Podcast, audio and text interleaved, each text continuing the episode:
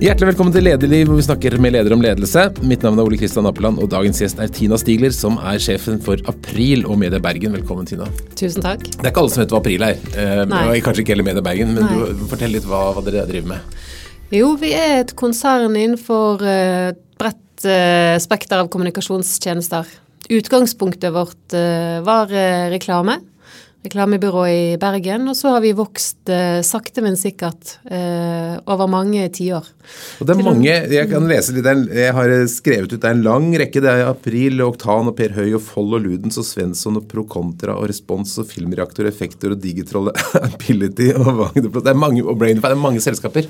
Mange selskaper. Er, er, det strategien å måte, bygge opp flest mulig selskaper?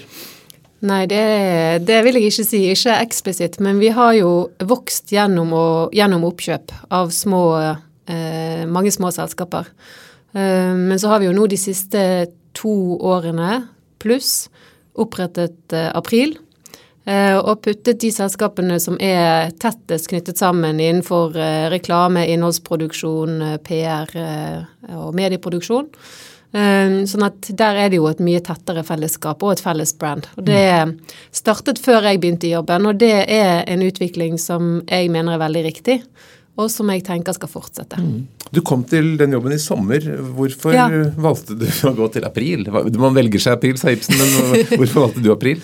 Nei, det er jo flere grunner til det. Eh, Jeg mener at eh, April og Media Bergen har et veldig godt utgangspunkt for vekst.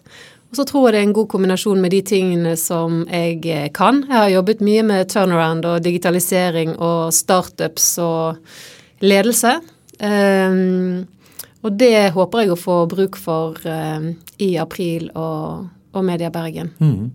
Du har jo eh, du er økonom fra Handelshøyskolen, så har du vært mm. skipssted i mange år, og så har du vært en liten svingom ute i restaurantbransjen Ja, i Umo. det- det og, og så tilbake til da, kommunikasjon. Hvorfor ønsker du deg tilbake?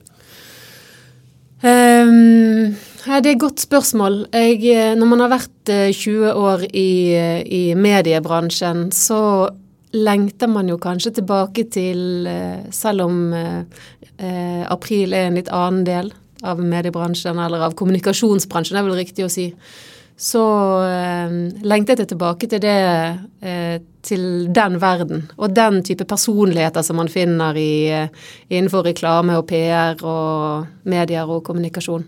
Den omgangstonen og den kulturen. Og også det å liksom få bruke all den innsikten jeg har, eh, bl.a. fra å ha vært såpass mange år i Skipsted og jobbet med ja, digitalisering, transformasjon, eh, den nye virkeligheten som både brukere og reklamekjøpere skal forholde seg til.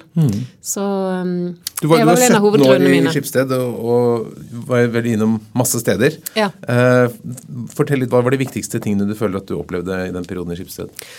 Altså, Skipsted er jo en fantastisk eh, arbeidsgiver og et veldig bra sted. eh, I hvert fall var det et veldig godt sted for meg å få teste ut og lære ledelse og lære en bransje og ha det gøy år etter år.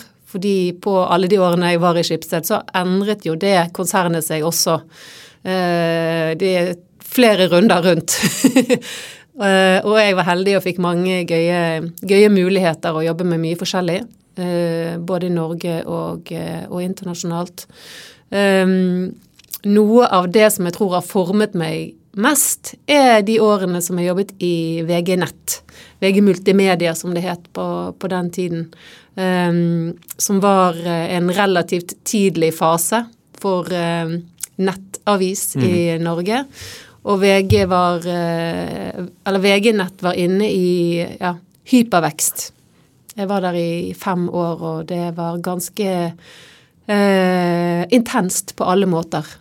For meg som var Jeg var jo en av de få som hadde en rolle som var sånn struktur og orden i et sånt gründerkreativt eksplosjon av kaos og skaperglede og endring og eh, aldri deadline. Um, så være en av de som skulle prøve å bygge struktur, sant? bygge organisasjonen, som jo kommer steget etter at produktet er der. Eh, lage rutiner for eh, økonomi Mm. og ansettelser og kontrakter og intern kommunikasjon og strategiprosess og prosess mot styret. Alt som er governance og ordning og rede. Det for meg, og i det tempoet, sant, og i det man har egentlig aldri tid til å komme, komme på nivå.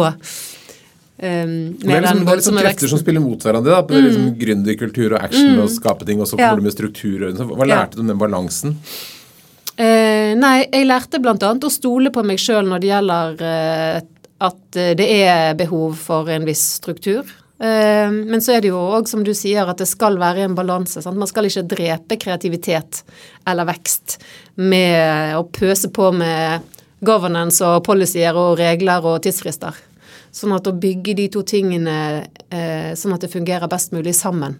Fordi når et selskap vokser, så er det jo naturlig, da trenger man jo en sterkere stamme. Man trenger mer struktur, og når man bikker over fra å være en gründerorganisasjon på 20-30 ansatte til å bli et, en stor virksomhet, så plutselig så får man jo helt andre forventninger på seg også som ledelse.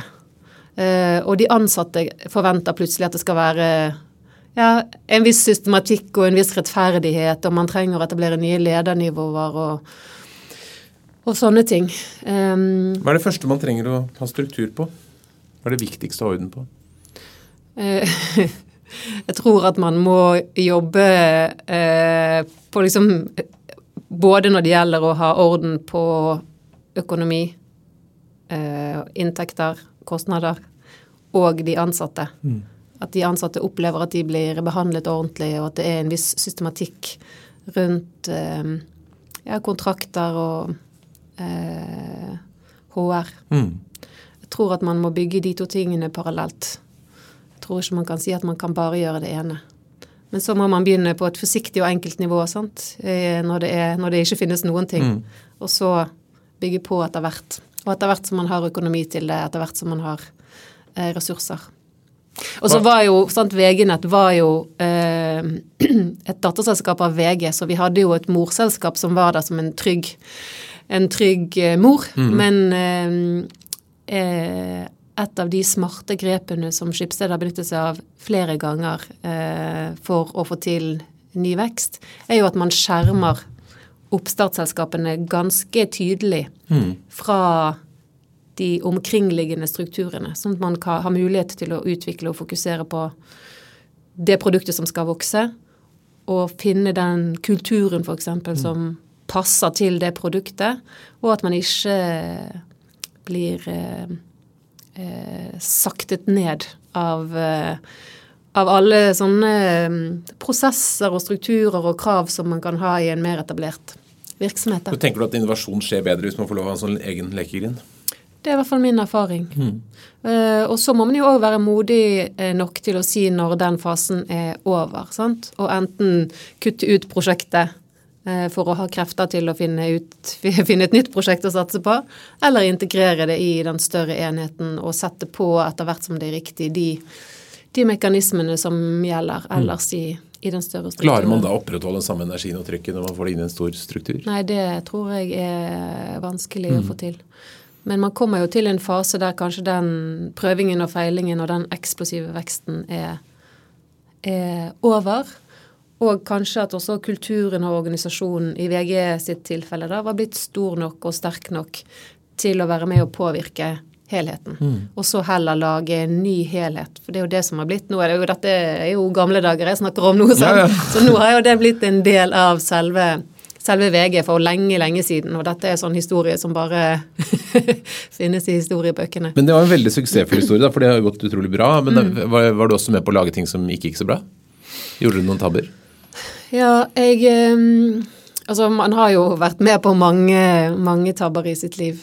Um, og det er jo ofte det man, eh, det ofte det man lærer mest av, kanskje. Eh, I, i VG-nettperioden så tror jeg vi gjorde så mange tabber hele tiden at det ble liksom en sånn Det var en del av læringsprosessen. Og det er jo også noe av det som jeg kanskje er litt stolt av i ettertid. Sant? At man eh, turde å, å, å gjøre ting. Det, og turde også reversere det når det var feil. Og, og, det var jo også veldig sånn distribuert ledelse, så alle turde å gjøre alt hele tiden. Med de fordelene og ulempene det har, at det plutselig dukker opp noe som egentlig er langt utenfor planen og strategien og kostnadsrammene og sånn. Men det tror jeg er en del av moroa, på en måte, for å få en Eller konsekvensene da av å organisere det på den måten eh, som, vi, som, vi, gjorde. Av, av, de tabbene som jeg husker, eh, som jeg husker eh, best eh, av, i min karriere, det er jo mer på det personlige plan, på en måte. At jeg har jo nå de siste årene hatt PNL-ansvar. Og for min egen karriere Altså, altså ha ansvar for topplinje og bunnlinje. Ja, ja. Og, og, at jeg ikke tidligere har vært mer bevisst på at jeg hadde lyst til å gå i den retningen. Mm. Eh, det er sånn, ikke en tabbe på den måten, for jeg har hatt det fint hele tiden og gjort kule ting og jobbet på ja, mange ulike spennende fagområder. Men jeg skulle nok ønske når jeg ser tilbake at jeg hadde vært eh, tydeligere mm. overfor meg sjøl og overfor omverdenen eh, på at jeg hadde lyst til det. Mm. Nå har du blitt leder. Eh, mm. Hvordan, det, hvordan, startet det? Når, når, tok du aller første gang et lederansvar, som du husker? Ja, det er et godt spørsmål. Ehm, jeg tror jeg har hatt eh, sånn i ungdommen og sånn veldig ambivalent forhold til det å være leder. Fordi hvis man er sånn eh, eh, flink på skolen og gjør lekser og sånn, så blir man jo fort den som skal ta på seg lederansvar ganske tidlig på sånn eh, eh, Hva heter det? Sånn fagutvalg og dirigerte et kor mm. eh, ganske tidlig i tenårene og den type ting. Men jeg gjorde det nok ofte Jeg syns det var gøy, men jeg gjorde det nok også ofte ganske med sånn høy grad av ambivalens. Um, du sa til meg før vi startet at uh, bergensere alltid snakker, og det er bare å putte på en femmer, så får du på en måte ja, underholdning i, i, flere dager. Men, men, jeg tror nok at jeg har vært veldig sånn hatt to sider der. Da. At jeg har elsket på en måte å være i sentrum, men jeg har også hatet det. Um, Hva er det du ikke liker ved det? Nei, det er jo kanskje ansvaret, eller det å liksom bli satt ansvarlig for noe som man ikke nødvendigvis eh, Når man kanskje har heller lyst til å være en del av, eh, del av gjengen. Mm. Så det kjente jeg nok på i de tidlige, veldig tidlige, i anførselstegn ledererfaringene. Mm. Når du kom inn i Skipsted, da, var du da klar for lederansvar? Ja, jeg tror at etter hvert som man eh, blir eldre, så finner man jo sin måte å være leder på. Og da, da kjenner man seg sjøl bedre igjen i det å være i å ha, en, ha den lederrollen. Og man, eh, man lærer jo også etter hvert å skille rolle og person, men samtidig bruke hele seg sjøl inn i det å være en leder. Mm. Og det gjør jo altså Når jeg skjønte litt mer av de mekanismene, så da er det jo mye mer Da er det jo veldig gøy å være leder. Fordi da kan Nå opplever jeg at jeg kan være leder eh, og være Tina mm. samtidig. Eh, og eh, at de to tingene kan, kan henge sammen, da. Hvorfor tror du at man trenger tid for å, å si, være seg selv? Nei, For det første så tror jeg at det er en læring, det der eh, å skille rolle og person. Eh, en av de tingene som gjorde at jeg lærte det, eller følte, føler i hvert fall sjøl at jeg lærte det veldig godt, var å ha ansvar for HR. Fordi da må man jo ta en del tøffe Eh, beslutninger, og man må være i tøffe diskusjoner som ofte går på følelser og mennesker og mennesker sin fremtid. Og i realiteten så har man jo ofte den type diskusjoner som HR-ansvarlig, også med folk man kjenner godt. Mm. Sånn at man får jo følt veldig mye på, eh, i hvert fall min opplevelse, på hvor de grensene går. Og på hvilken type menneske man har lyst til å være, også i vanskelige profesjonelle settinger. Så det var en god skole for meg når det gjaldt eh, rolleforståelse, og også det med å være, å være seg sjøl, da. Eller ta med, mm. ta med viktige deler av seg sjøl. Det er faktisk ganske få av gjestene hatt i lederliv som har HR-bakgrunn. Veldig mange økonomer. Ja, ja, ja. ja jeg, er jo, jeg, er jo, økonom og også. litteraturviter og har jobbet med HR. så ja. det, og det er jeg glad for. HR er en fagdisiplin som jeg mener ofte undervurderes. Men du sier at du, du har blitt mer da, samsvar mellom Tina og lederen. Hvordan, mm. hvordan, lederen. hvordan, vil du at lederen Tina skal oppfattes? Eh, som tydelig, eh, eh, direkte, oppriktig og engasjert. Mm. Ganske høye ambisjoner. Ja, ja jo, men det, det, må man jo ja, ha lov til å ha. ha ja. og så er det jo ikke alltid man klarer å leve opp, opp til det. Men eh, jeg tror det er lurt å i hvert fall vite man, hvordan man har lyst til å være. Mm. Etter Skipsted så har du en liten runde innom Umo hvor du har jobbet med, med restauranter. Det, det var ganske sånn spesiell periode, fra 20, september 2019 til oktober 2021, ja. med liten pandemi der ute forskjellig. Fortell, ja. fortell, om den opplevelsen. Hvorfor, hvorfor, valgte du å gå dit? Um, jeg hadde lyst til å eh, jobbe med noe helt annet enn media for å se uh, hvordan jeg virket. Det klarte du bra. Mm. Og så å, å, bruke andre sider av meg sjøl. Uh, og så hadde jeg lyst eh, til å ha det eh, ansvaret for topplinje og bunnlinje. Mm. Men samtidig jobbe med noe som jeg eh, tenkte at jeg hadde drevet litt med før. Altså turnaround og deretter vekst. Mm. Og det var jo den eh, oppgaven eh, som var utgangspunktet for rollen eh, i UMO. Hvilke restauranter hadde du ansvar for da? Jeg hadde ansvar for Jeg, jeg jobbet i UMO, morselskapet, og hadde ansvar for fra eiersiden, da. Restaurantkonsernet. Og det var jo Peppers Pizza, det var Burger King og Starbucks og Fridays osv. Det ble en ganske krevende periode med pandemi og litt av hvert? Ja. Eh, der jobbet vi jo den første høsten veldig bra, og mye av æren for det var jo eh, CEO-en i Umo restaurant, som heter Espen Hoff, eh, med å legge en ny strategi som vi kunne tro på. Eh, og samtidig eh, litt tøffe kutt og, og eh, endringsprosesser. Nedbemanning. Mm. Um, og så klarte vi jo etter et halvt år, da, februar 2020 blir det vel, for første gang på i hvert fall så lenge jeg hadde vært der, og vise pluss. Da hadde vi pluss 7% eller noe sånt i forhold til året før og tenkte yes, nå, nå vi, har, vi kan tro på strategien vi har lagt. Vi er på riktig kurs. Nå liksom kan vi begynne å dra videre den delen av strategien som var fremtiden og nye vekstselskaper og oppkjøp og bygge plattform og tenke digitalt rundt restaurantbransjen og alt det der som vi hadde gledet oss til gjennom den tøffe høsten. Og så bare bam! to uker seinere så var vel mer eller mindre alle restaurantene stengt. Hvordan føltes det? Nei, altså I begynnelsen så følte man jo ikke så mye. Da var det jo bare å gjøre. Um, men så etter hvert uh, så uh, skjønte vi jo at uh, For Umo var jo i økonomisk hardt vær på andre områder også. Det var jo ikke bare restaurantene som hadde det utfordrende. Så da skjønte vi ganske raskt at dette her er det her må vi inn i en skikkelig høns i regnvær-prosess. Mm. Mm. Vi, vi, må frigjøre, vi må selge noe. Eh, så da startet vi jo prosessen med å selge hele min portefølje. Og først solgte vi da Burger King, som var den store juvelen eh, vi hadde. Og da samtidig så begynte vel en del av nøkkelpersonene å tenke at eh, ja, det kunne være at dette konsernet måtte stykkes opp. Mm. Og jeg skjønte jo også da ganske raskt at dette blir en dette blir en veldig interessant periode for meg. Eh, nå kan jeg jobbe med M&A som jeg mm. aldri har jobbet med, mm. med et objekt som jeg bare så vidt har begynt å lære å kjenne sjøl, eh, og i en virkelig krise.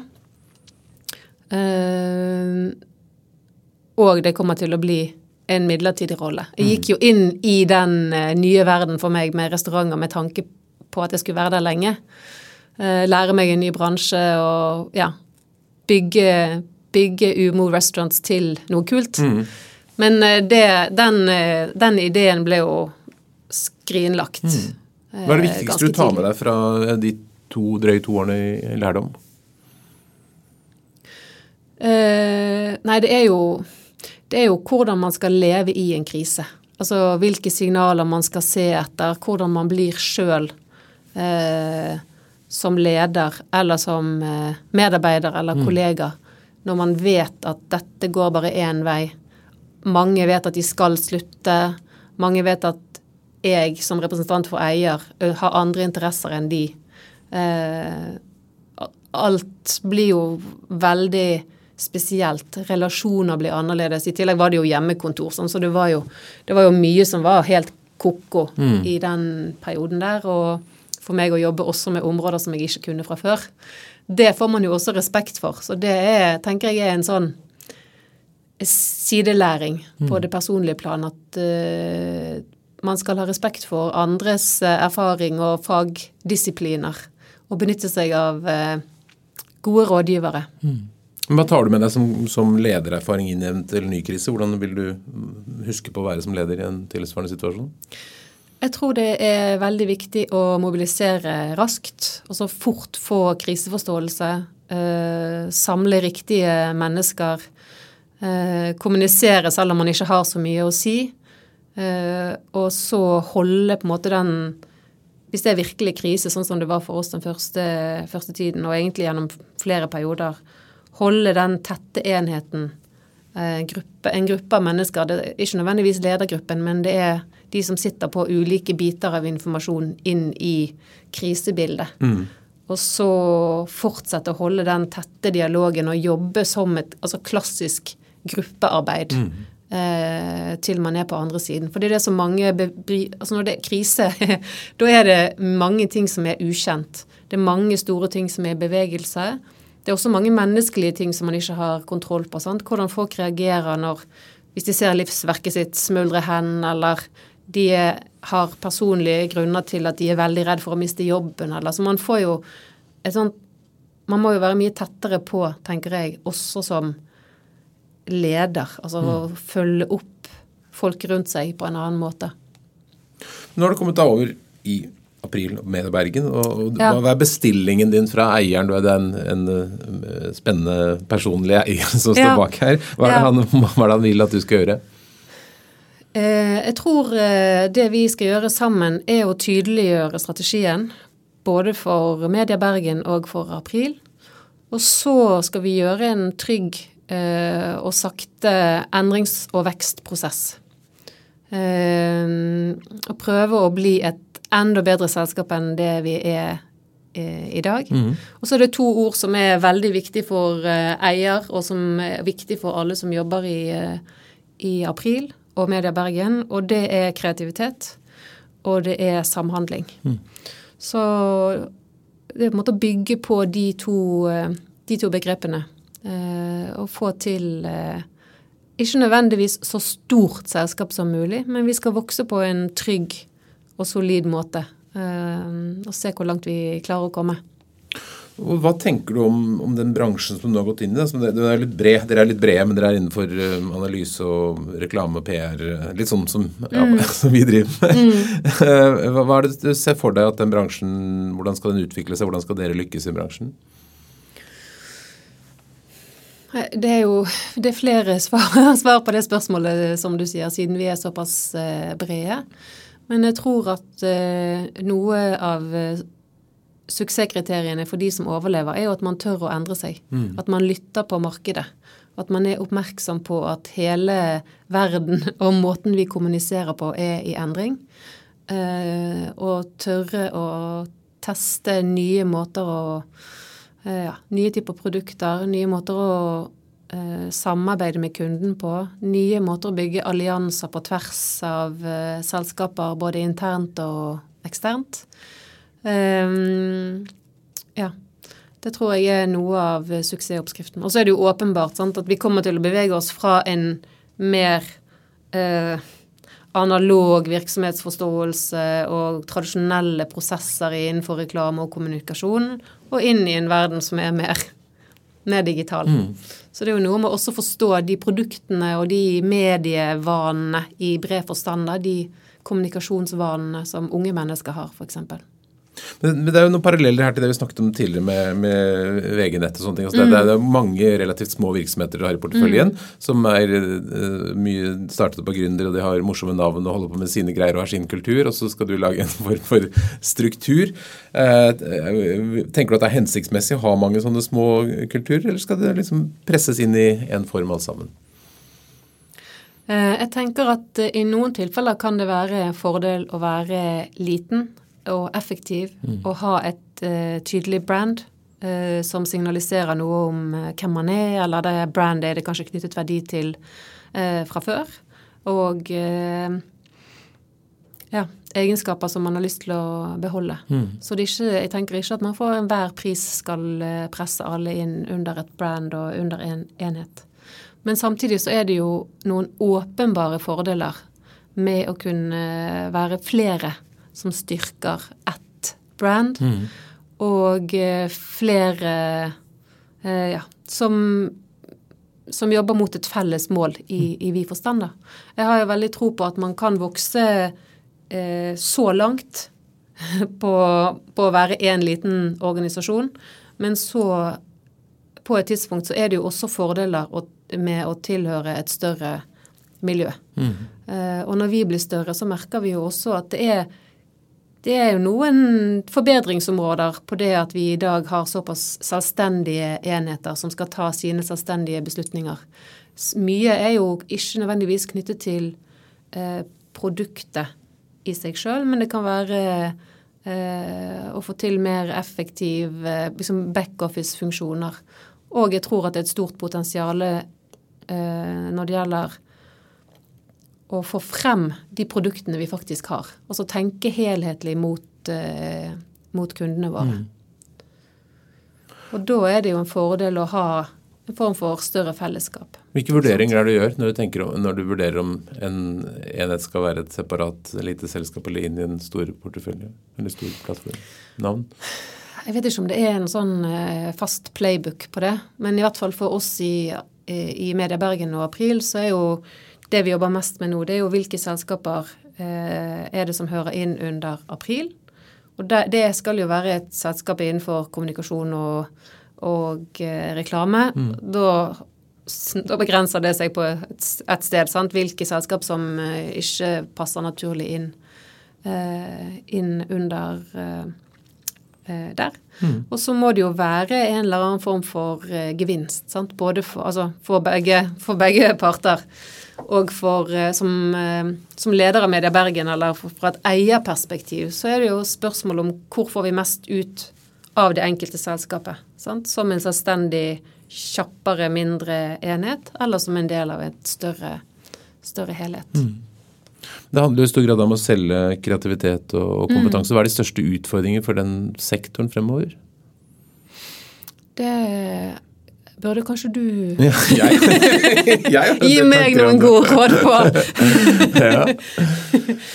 Nei, jeg tror det er mange kunder som, eh, som eh, ønsker seg færre kontaktpunkter. Mm.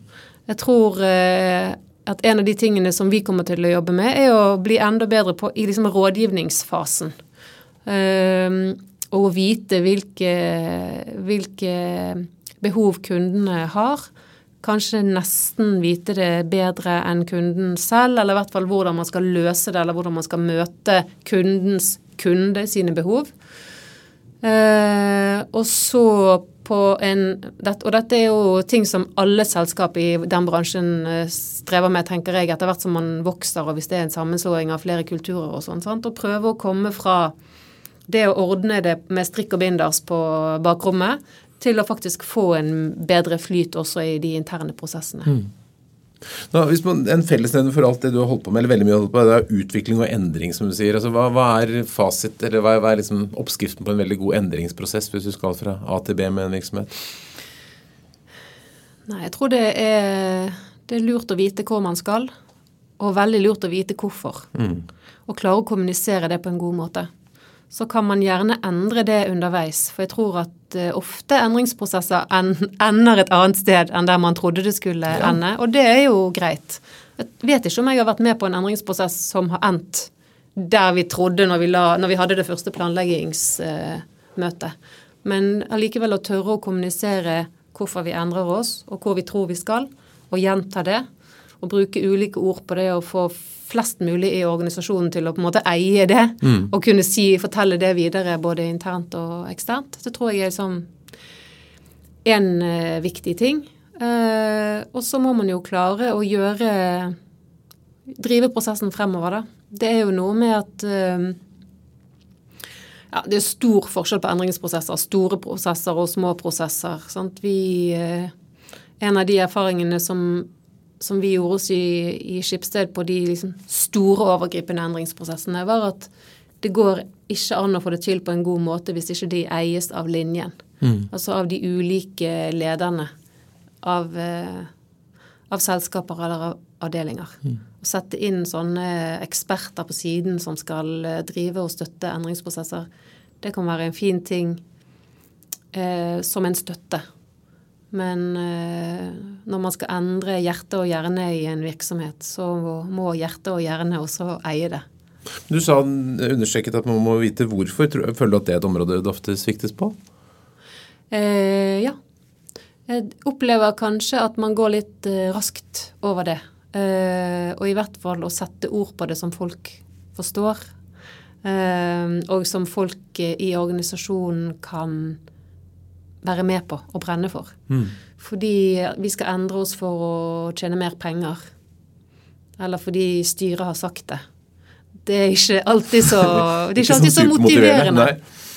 Eh, men min erfaring er at det, det, finnes jo alltid motiverende grunner for eh, å endres. Og hvis du ikke klarer å finne de, så er du kanskje feil person til å lede endringsprosessen. sant? Mm.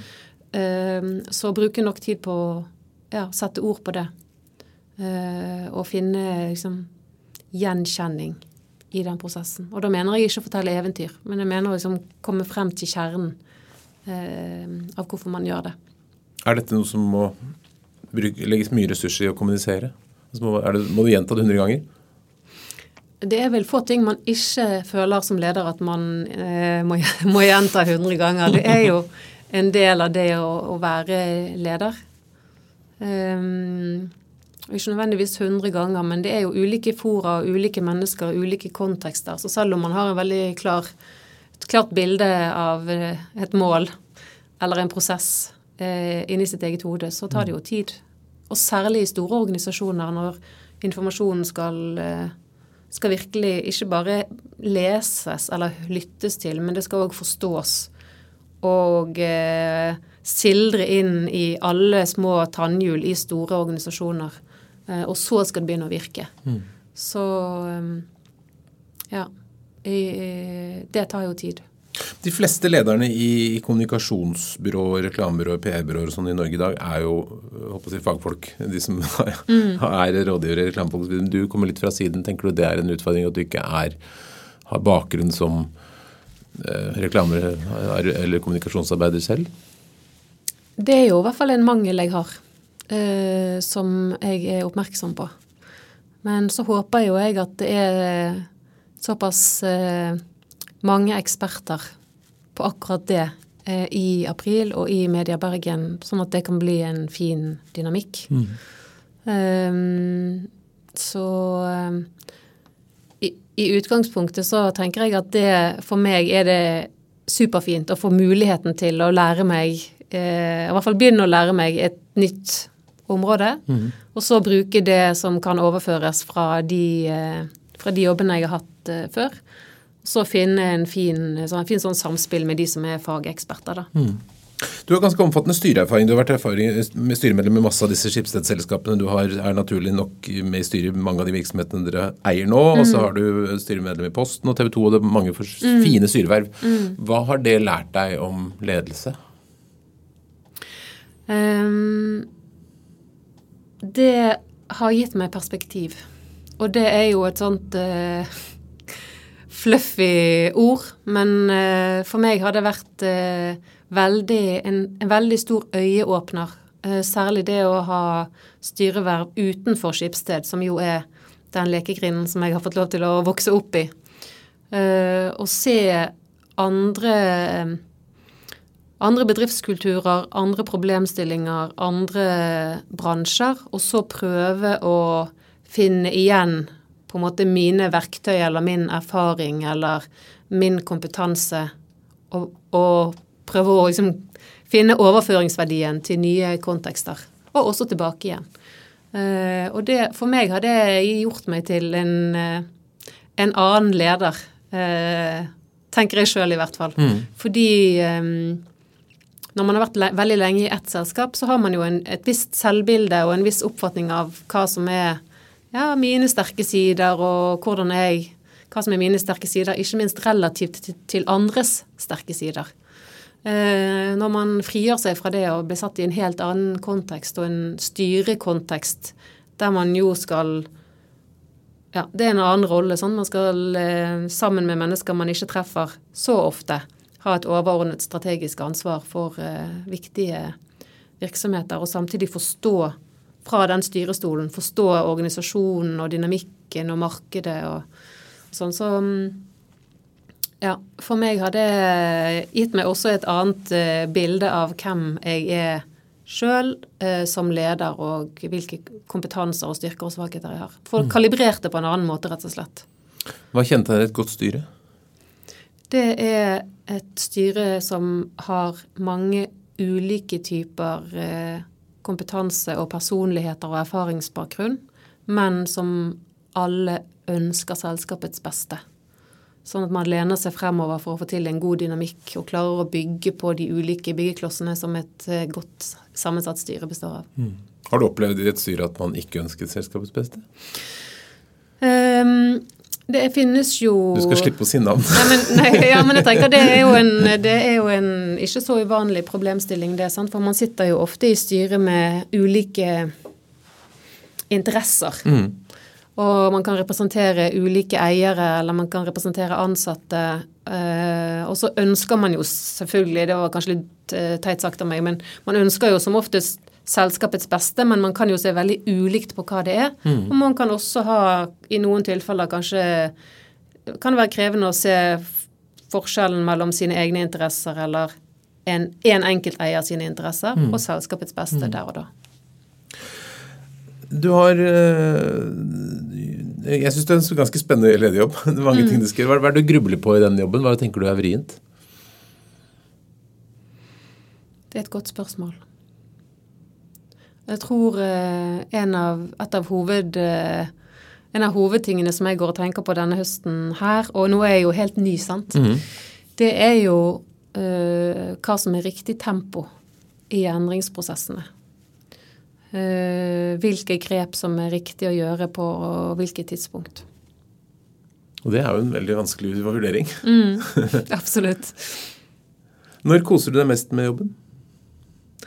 Kanskje ikke bare med denne jobben, men med det å være leder generelt? Um, jeg liker um, Jeg liker problemløsning i fellesskap. Jeg liker når det er Det kan være god stemning eller det kan være dårlig stemning, men jeg, jeg liker meg veldig godt når det er flere mennesker og flere stemmer som spiller sammen for å løse en utfordring som vi oppfatter som, eh, som viktig. Mm. Tenker du at eh, du gjennom den lederjobben og virksomheten på en måte skal gjøre verden bedre, bedre bærekraftig på noen måte? Ja, jeg håper jo det, selv om det er jo den, eh, den, jobben som jeg har nå, det står jo på en måte ikke bærekraft øverst på stillingsbeskrivelsen, men eh, det er jo viktig for meg å ha, i hvert fall ha en, en rolle i samfunnet som forhåpentligvis gjør verden litt bedre, mm. istedenfor å gjøre verden litt dårligere. Så det tenker jeg litt på. Er det enklere å lede hvis man har en sånn rolle? Eh, ja, hva mener du da? At det er enklere å lede en organisasjon hvis man klarer å dra det mot noen positive samfunnsendringer? Jeg tror i hvert fall at hvis jeg skal være en god leder, så må jeg tro på eh, selskapet, og jeg må tro på den veien vi skal gå. Mm. Eh, ellers blir det vanskelig. Mm. Til slutt, Tina, Hvis det kommer en ung person til deg og vil bli leder, sånn som deg, en stor sjef som deg over mm. masse selskaper, hva er de tre viktigste lederrådene vi gir? Altså, Vi har jo vært inne på noe av det. Eh, jeg tror det er viktig å eh, å velge jobber som bringer deg i riktig retning. Så hvis man har lyst til å lede, så må man søke ledelse. Hvis man har lyst til å bli spesialist i noe, så må man søke den type roller. Og kanskje ledere og kontekster som på en eller annen måte gir noe av den, eh, den retningen som man har lyst til å, til å, til å um, uh, gå i. Mm. Og så uh, tror jeg det ofte er Jeg tror det er et godt råd å klare å velge hva man vil være god i. Mm. Altså det er kanskje litt, uh, litt relatert til det forrige rådet, men det er noe med at I hvert fall min erfaring når jeg var ung ung eh, trainee og ung leder i, eh, i Skipsted, så så jeg på andre og, som var på en måte på, på mitt nivå, og eh, registrerte at i forhold til meg, som prøvde å være god på absolutt alle oppgaver jeg fikk, så var de, og det var jo ofte særlig unge menn, mye flinkere enn meg til å gi blaffen i noe. Og så var det noen ting de åpenbart hadde lyst til å være gode på. Noen kontekster eller noen prosjekter eller noen oppgaver. Og da satt de all energien sin inn på å være god på det.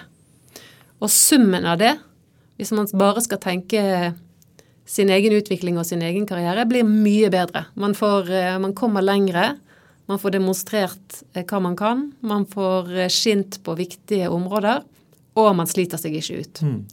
Så det tror jeg òg er et viktig råd til mange. Å velge hvor Det var vel egentlig to råd som begge, begge går på det å velge. Velge Ja. retning, velge hva man skal være god på. Ja. Ja. Um, og så tror jeg det òg, i hvert fall for meg, eh, har vært veldig nyttig å ikke ta seg sjøl altfor høytidelig. Altså tørre å være litt dum av og til. Stille dumme spørsmål. Stille spørsmål der, i, der ikke alle andre syns at det er kult å stille spørsmål.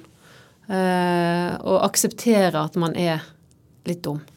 Altså man, man uh, Hvis man skal være en god leder, så går man jo egentlig rundt i livet og er litt dum alltid, fordi man har man skal lære seg nye ting, man skal inn i nye kontekster, man skal stille spørsmål. Man skal liksom skape seg et grunnlag for å ta beslutning.